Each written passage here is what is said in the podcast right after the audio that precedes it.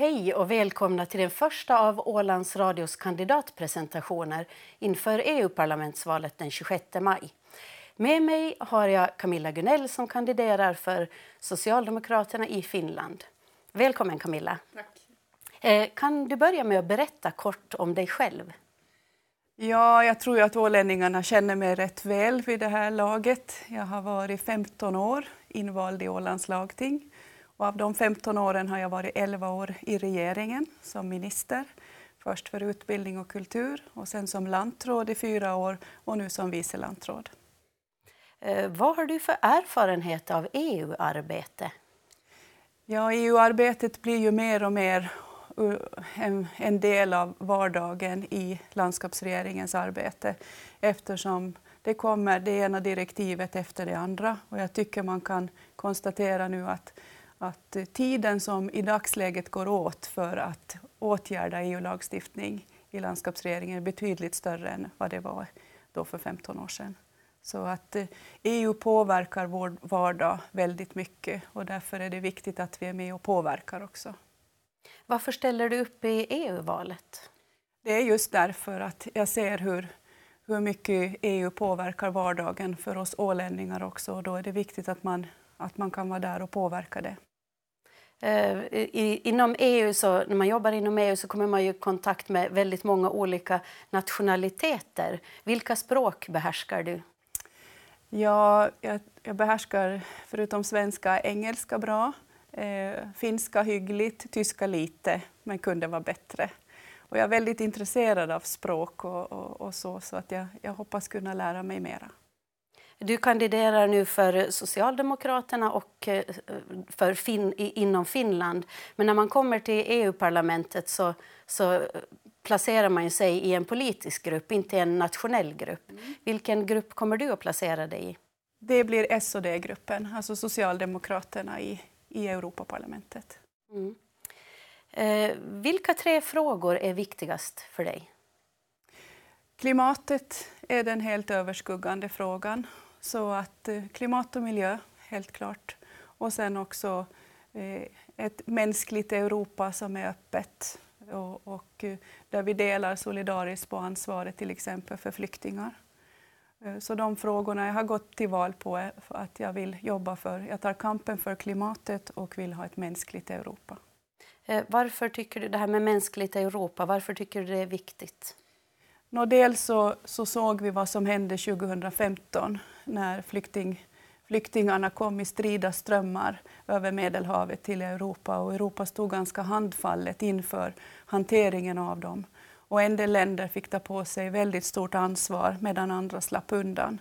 Så att här finns det en hel del att göra, att jobba fram en, en, en, modell för och rutiner för en praxis hur man hanterar nästa gång det här sker i, i större skala. För det kommer att ske, det är jag helt övertygad om. Och eh, det finns utrymme i Europa för fler, för fler människor. Men man måste, alla länder måste bidra på sitt sätt. Eh, det finns ju röster som säger att man ska stänga gränserna eh, utåt, Europas yttre gränser och, och bli strängare och eventuellt ha en egen gränspolis. Hur ser du på det? Jag tror inte på att man bygger en trygg värld genom att stänga fast gränser. Att, att söka asyl och att fly är en mänsklig rättighet och, och, Europa måste kunna hantera det. Det är inte så att det här är någonting som fixar sig om man stänger gränserna eller som Trump bygger murar mot Mexiko. Problemen är kvar. Jag, jag tror att integration och öppenhet är den enda vettiga modellen.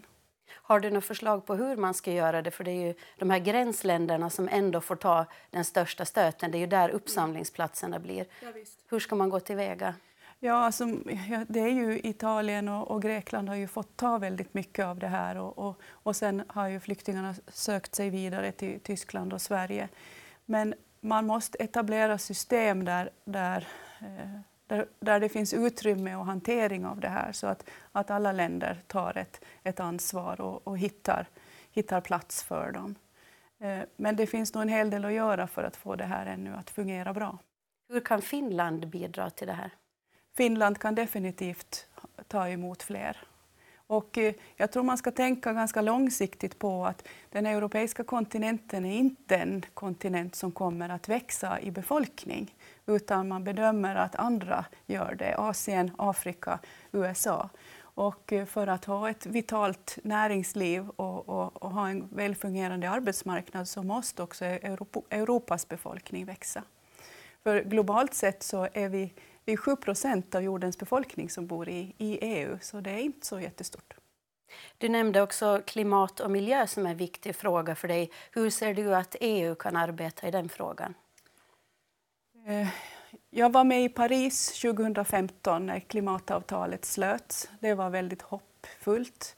Eh, efter det så kom Brexit, det kom Trump. Eh, ledarskapet i klimatfrågan blev otydligt. Och jag menar att Europa är den givna ledaren och, och, och tar ledarskapet i den globala omställningen. Och eh, det måste man göra nu. För Europa har ändå resurserna och vi har forskning och vi har de demokratiska institutioner som behövs för att det här ska kunna fungera. Eh, du nämnde här nu då eh, klimat och miljö, eh, migrationspolitik. Har du ännu någon tredje fråga som du tycker är viktig?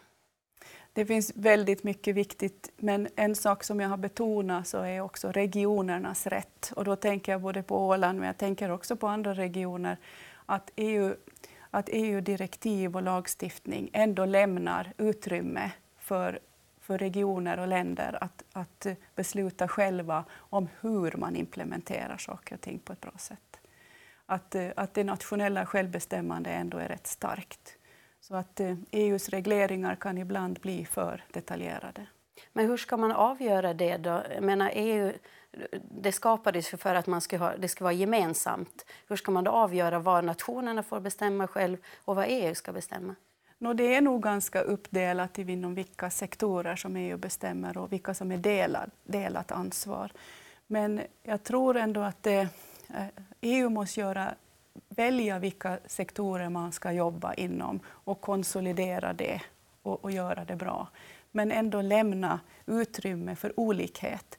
Därför att omständigheterna är inte de samma i Spanien och i Finland. Det är klart att vi har liksom mm, naturliga skillnader och de måste också finnas utrymme för att, att göra på bästa sätt enligt de förutsättningar ett land har. Mm. Eh, vilka frågor inom EU tycker du att är minst viktiga? Ja, det här med att Europa ska ha en egen armé, det tycker jag inte är en bra idé. Utan jag tycker man kan arbeta med att fördjupa försvarssamarbetet och säkerhets, det säkerhetspolitiska samarbetet på, på, på fler sätt än idag. Men jag är inte intresserad av att lägga pengar på en armé. Sen tycker jag väl generellt att, att eh, att EU måste arbeta mera med att försöka förhindra att bli ett monster av byråkrati. Det, det är både kostsamt och, och, och, tufft för alla. Så att om man kan, kan reglera mindre när det gäller byråkrati och skapa ny byråkrati, det tycker jag man ska det är någonting du har erfarenhet av i landskapsregeringen. En liten förvaltning och mycket byråkrati. Mycket, det är så. Det är så. Mm. Eh, allt fler EU-kritiska partier och politiker inom EU, dyker upp inom EU och blir invalda också. Tror du att fler länder än Storbritannien börjar försöka ta sig ur EU? Jag tror faktiskt att Brexit kommer att få motsatt effekt. För jag tror att brittiska befolkningen ångrar sig djupt.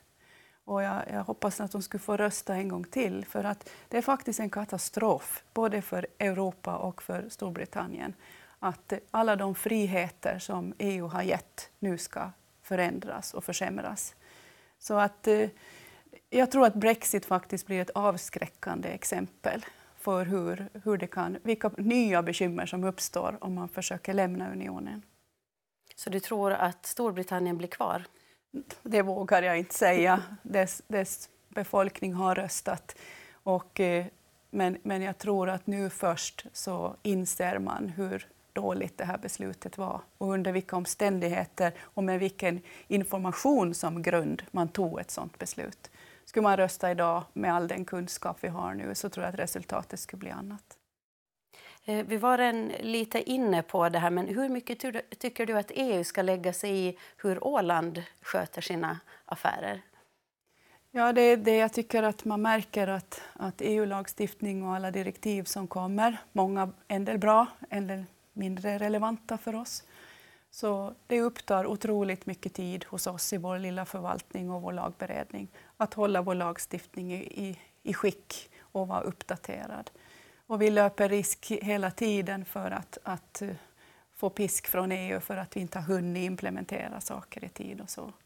Så att det, det håller på att bli en stor börda rent administrativt. Och det minskar också utrymmet för självstyrelsen att, att eh, besluta om olika frågor.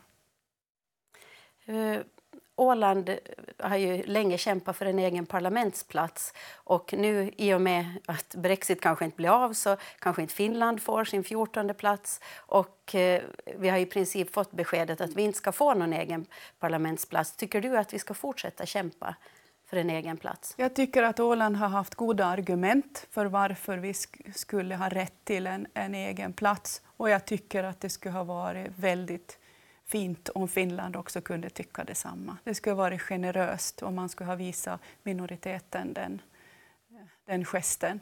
Så jag tycker vi ska fortsätta arbeta för det. Hur?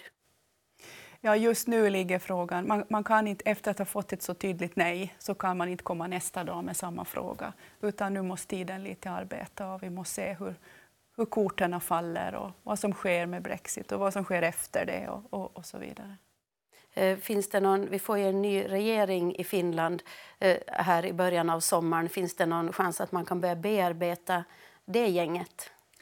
Jag tror efter att man just har fått nej så ska man försöka med en annan diplomatisk metod och, och kanske invänta rätt ögonblick att återuppta frågan. Eh, du ställer upp för ett riksparti, Socialdemokraterna i Finland. Vilka chanser tror du du har att få röster i riket? Ja, det är faktiskt riktigt trevligt att se och komma till, till svenskbygderna i, i både Österbotten och, och Bo och Nyland och, och, och, upptäcka att det faktiskt finns ett, ett stöd där. Så att det, har varit lite överraskande för mig att det har funnits ett sådant intresse och, och mycket glädjande förstås. Så jag hoppas att kunna få ungefär hälften hälften röster Åland och Svenskfinland. Men du rör dig i, i svensk Finland. Har du funderat på att sikta in dig på finska väljare? Nej, jag vill vara den svenska rösten i parlamentet och jag tycker att det, för mig känns det enklare och bekvämare att rikta mig i huvudsak till, till svenskbygderna och, och förstås för en kandidat för Åland valdeltagandet brukar vara lågt överlag i hela Finland och också på Åland. Mm. Hur ska vi göra för att få upp intresse för EU och det här EU-valet? Ja, det är ju fortfarande så att EU kanske känns ganska långt borta för många. Men jag tror att det är viktigt att, att säga att EU verkligen påverkar oss. Det är viktigt att ha vettiga människor i parlamentet. Det styr utvecklingen för, för, förstås för EU men också för, för Finland och Åland och, och vad som händer här. Det styr vilka möjligheter vi har i de här eh, regionala programmen, hur mycket pengar vi har för, att, för jordbruket. Det är väldigt mycket som bestäms i EU och därför är det viktigt att det är vettiga människor som också känner Åland och våra behov. Eh, tack så mycket Camilla Gunell att du kom hit idag. Vi tackar för oss och påminner om att ni ska gå och rösta i EU-parlamentsvalet den 26 maj.